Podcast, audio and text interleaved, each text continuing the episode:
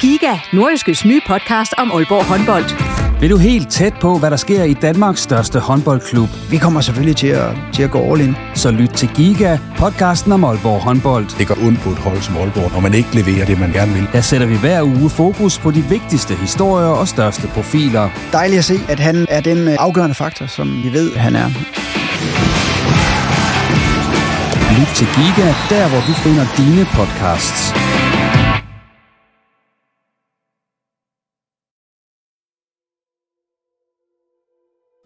Der er opstandelse efter byretssagen mod den 15-årige dreng, der overfaldt, sparkede og trampede på en 48-årig musiklærer.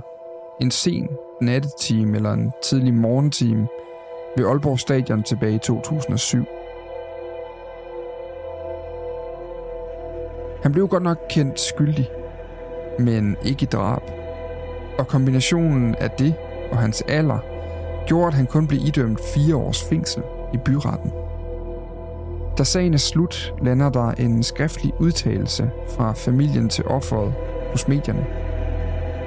I den står, det er krænkende for vores retsbevidsthed, at en så bestialsk handling taxeres til en straf som den udmeldte.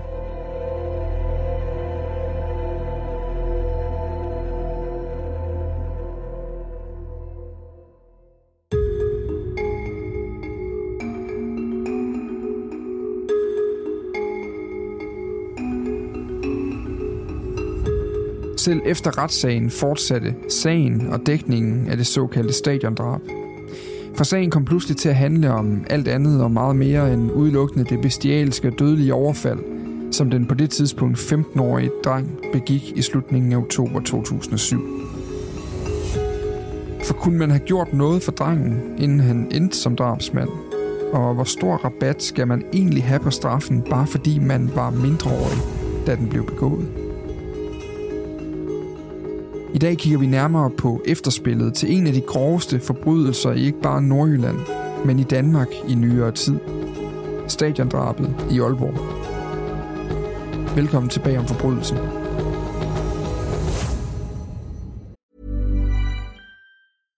Sandra, and I'm just the professional your small business was looking for. But you didn't hire me because you didn't use LinkedIn jobs. LinkedIn has professionals you can't find anywhere else, including those who aren't actively looking for a new job but might be open to the perfect role, like me.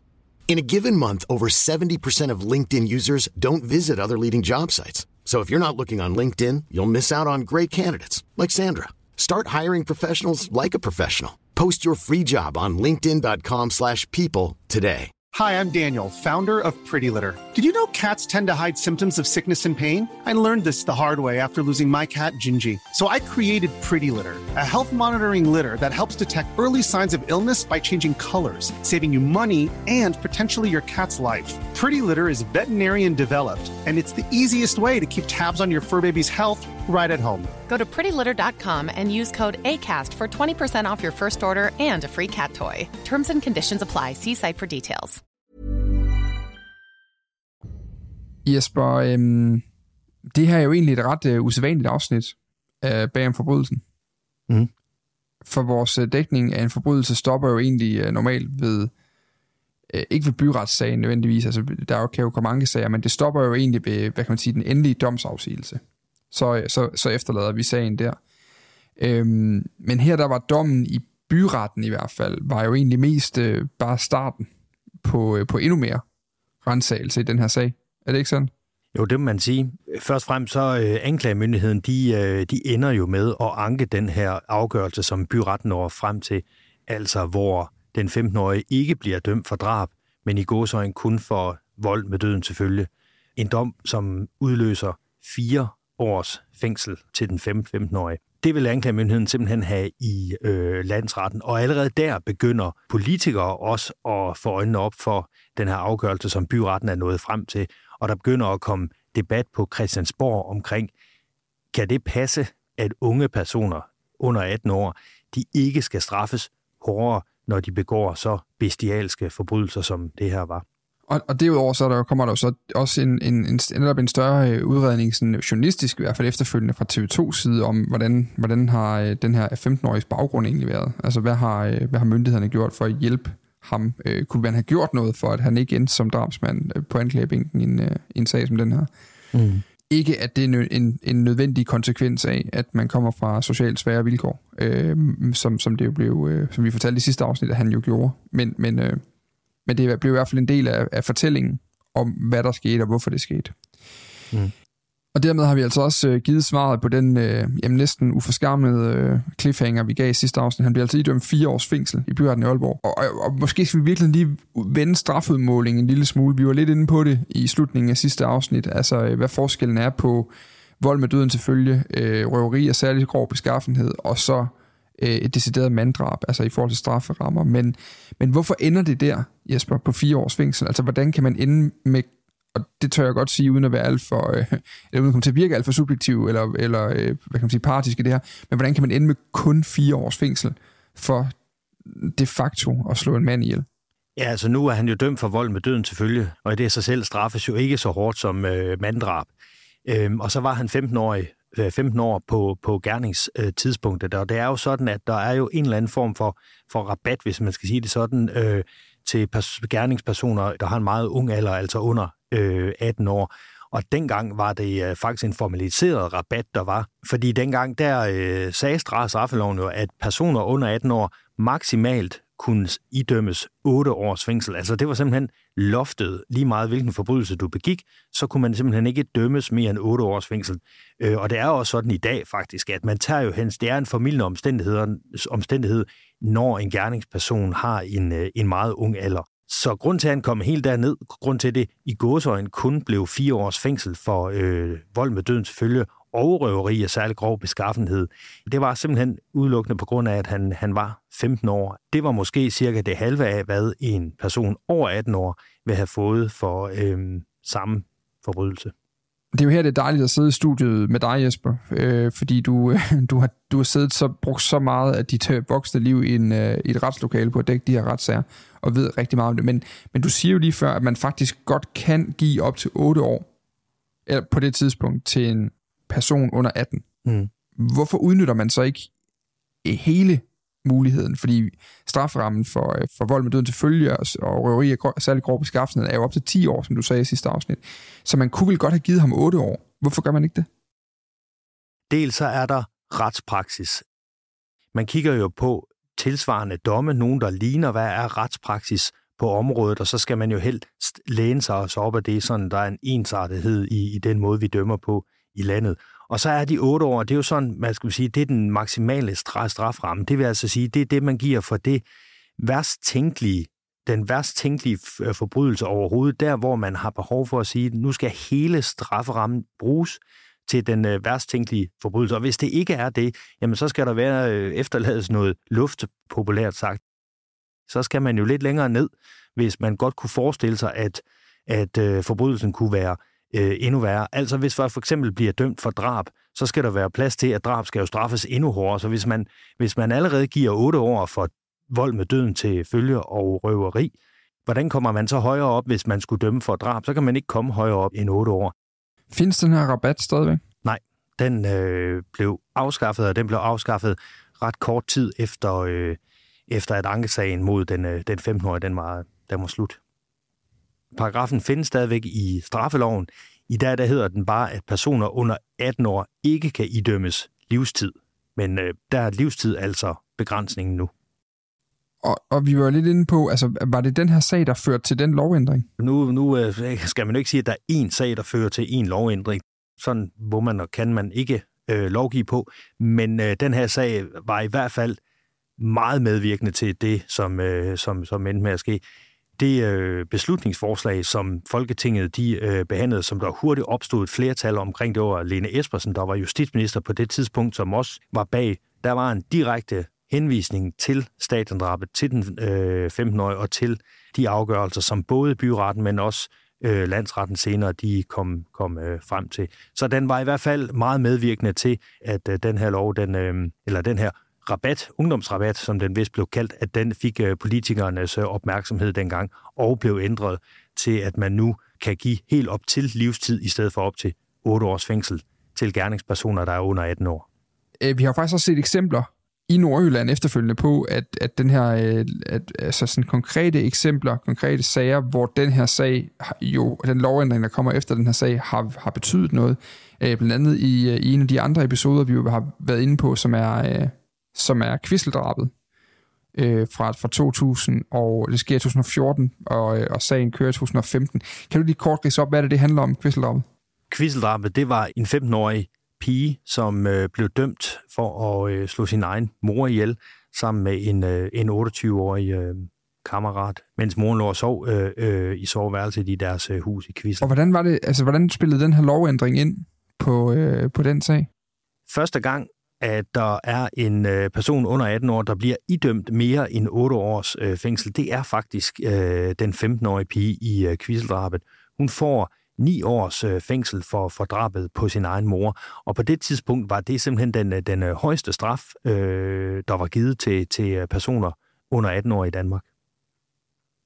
Og det er altså ligesom sådan det politiske efterspil, der er på den her sag, øh, eller øh, hvor den her sag er en del af det, øh, den politiske proces, der fører til, til fjernelsen, eller i hvert fald ændringen af den her rabatordning.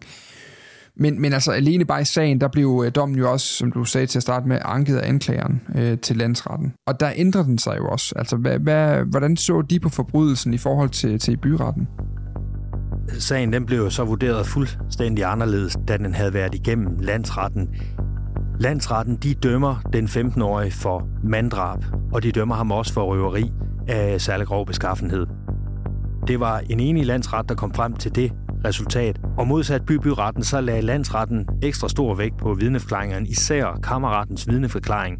Forklaringen om, at øh, den 15-årige til ham skulle have sagt, at han blev ved med at sparke ham i hovedet, fordi at den 48-årige sagde gurlelyd, som han synes var irriterende. Så han blev ved med at sparke, indtil han simpelthen holdt op med at sige lyde. Den forklaring blev der lagt meget vægt på i landsretten, som et bevis på, at det her det var altså sandsynlighedsforsæt, at når han gør det, når han bliver ved med at sparke til, at en person tiger stille og ligger stille, så må du anse det for overvejende sandsynligt, at man kan dø af det.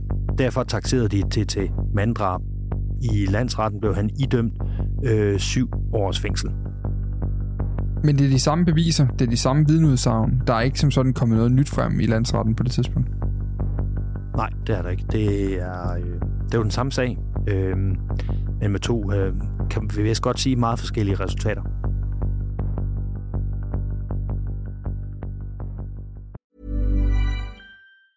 If you thought the only way to get a more defined jawline with natural-looking results was through surgery, think again. Juvederm Volux XC is a non-surgical injectable gel filler that improves moderate to severe loss of jawline definition and can help you achieve natural-looking results with little downtime. Even better, this improved definition lasts up to one year with optimal treatment. No maintenance required. Improve jawline definition for a smooth, sculpted look with Juvederm Volux XC. For important safety information and to find a licensed specialist, visit juvederm.com. That's J U V E D E R M.com. Not for people with severe allergic reactions, allergies to lidocaine, or the proteins used in Juvederm. Common side effects include injection site redness, swelling, pain, tenderness, firmness, lumps, bumps, bruising, discoloration, or itching. There's a risk of unintentional injection into a blood vessel, which can cause vision abnormalities, blindness, stroke, temporary scabs, or scarring. Talk to a licensed specialist to find out if it's right for you. Så han ender altså med syv år til sidst, øhm, som, som den endelige dom. Men der var jo faktisk på et tidspunkt tale om, at den her sag, den i princippet kunne være endt øh, endnu højere op i retssystemet. Altså, hvordan det?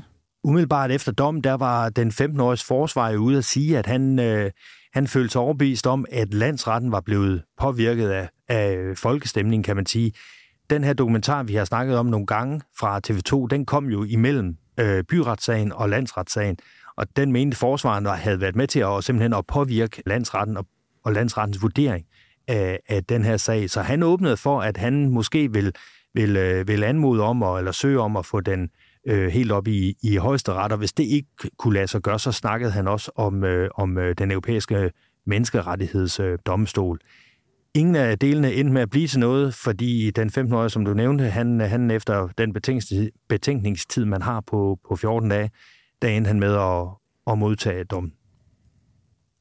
Og der var jo faktisk også en, der var en episode, hvor, øh, hvor, hvor den tiltaltes forsvar faktisk altså jo, jo bad øh, hvad kan man sige, domsmændene om at, at, at, at fortælle, om de har set den her dokumentar. Ja. Altså den, den dokumentaren blev en del af, af hvad kan man sige, landsretssagen, decideret i retslokalet. Er det, er det normalt, Jesper? Altså, hvis, fordi ofte er der jo en journalistisk dækning af, af sådan nogle ting her. Lige nu ser vi Øh, uden at, at nødvendigvis at det er en reference direkte på, på så mange ting, så lige nu der ser vi for eksempel en, en meget, meget, meget omtalt sag fra Sjælland, øh, hvor, øh, hvor en 32-årig står tiltalt for et drab på øh, Emilie Meng, og derudover for, for, for et, for et øh, overfald på den her øh, pige, der blev, øh, der blev bortført sidste år, som politiet endte med at, at finde i live.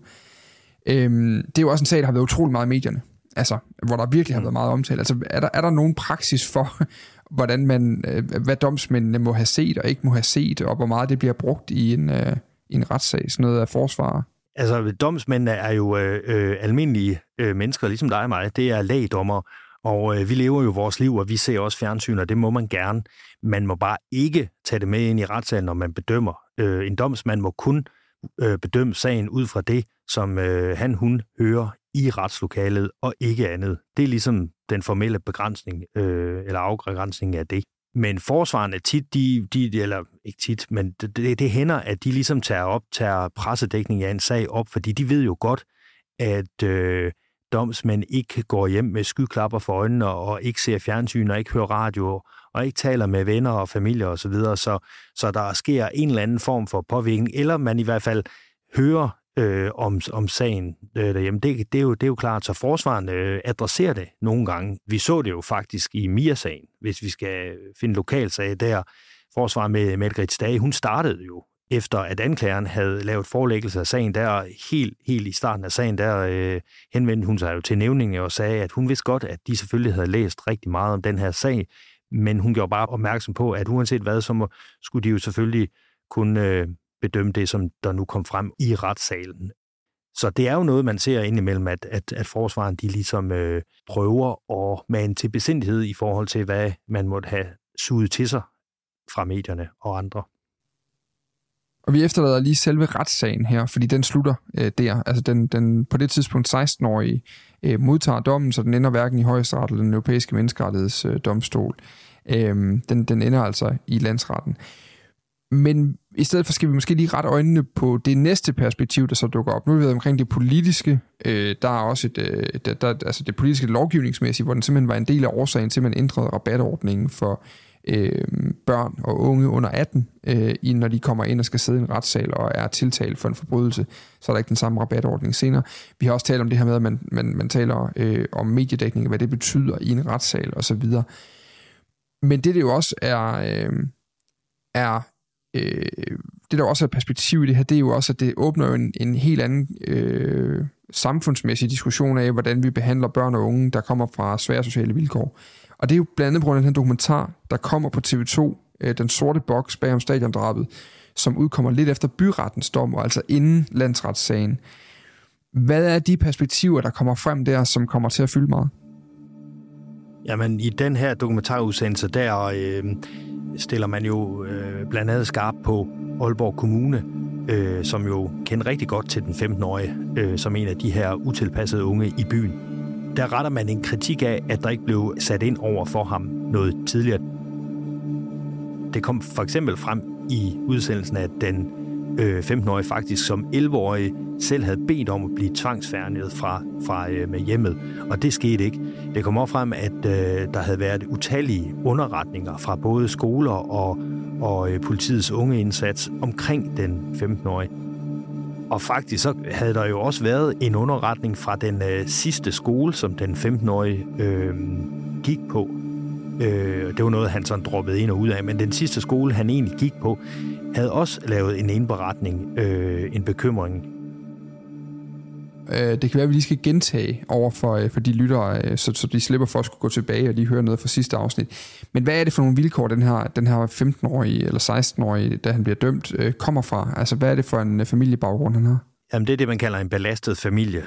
Han, øh, han boede ved sin mor, alene med sin mor, fra han var to år, øh, hvor forældrene var blevet skilt, og det var en øh, alkoholiseret mor, og han var i, i, i store dele af tiden var han overladt til sig selv.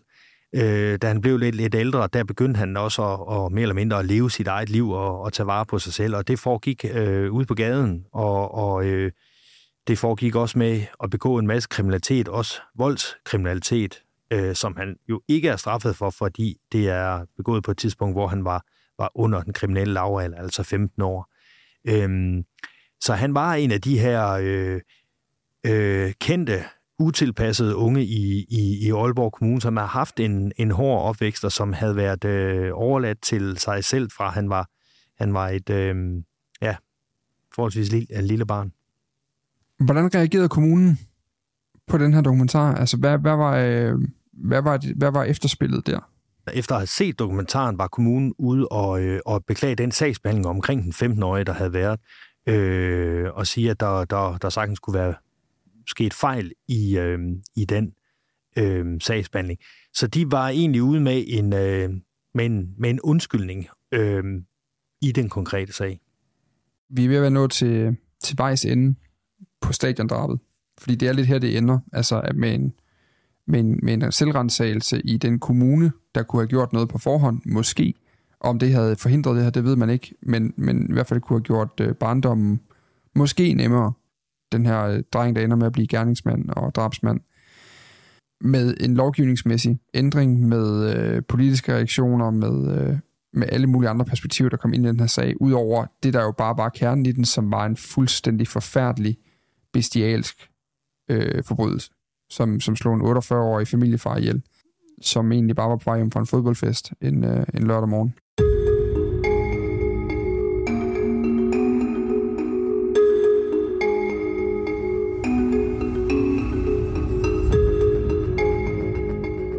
Det øh, bliver også afslutningen på øh, den her episode, eller de her episoder om stadiondrabet i øh, Aalborg.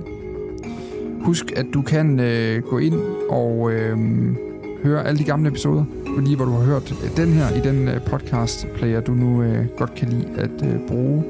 Og så er øh, den nye sæson af Bag om Forbrydelsen altså øh, godt og grundigt i gang nu, og, øh, og vi, øh, vi er tilbage med en ny episode igen i næste uge. Husk, at du øh, kan komme i kontakt med os, hvis der er sager, du gerne vil have, vi kigger på, hvis du har idéer til andet inden for det øh, politi- og efterforskningsmæssige, det kriminalitetsbillede eller emnet, eller noget i den stil, som du gerne vil have, vi forklarer, eller hvis du bare har spørgsmål til den dækning, vi ellers har, øh, har bragt af øh, de her forskellige sager, vi tager op. Øhm, du kan skrive til os på podcast dnmh.dk, altså podcast dnmh.dk. Og så skal vi nok øh, kigge på det og bringe det op, hvis det øh, giver mening. Tak fordi du lytter med, og øh, vi er tilbage igen næste uge. Vi taler ved, Jesper. Det gør vi, Dan.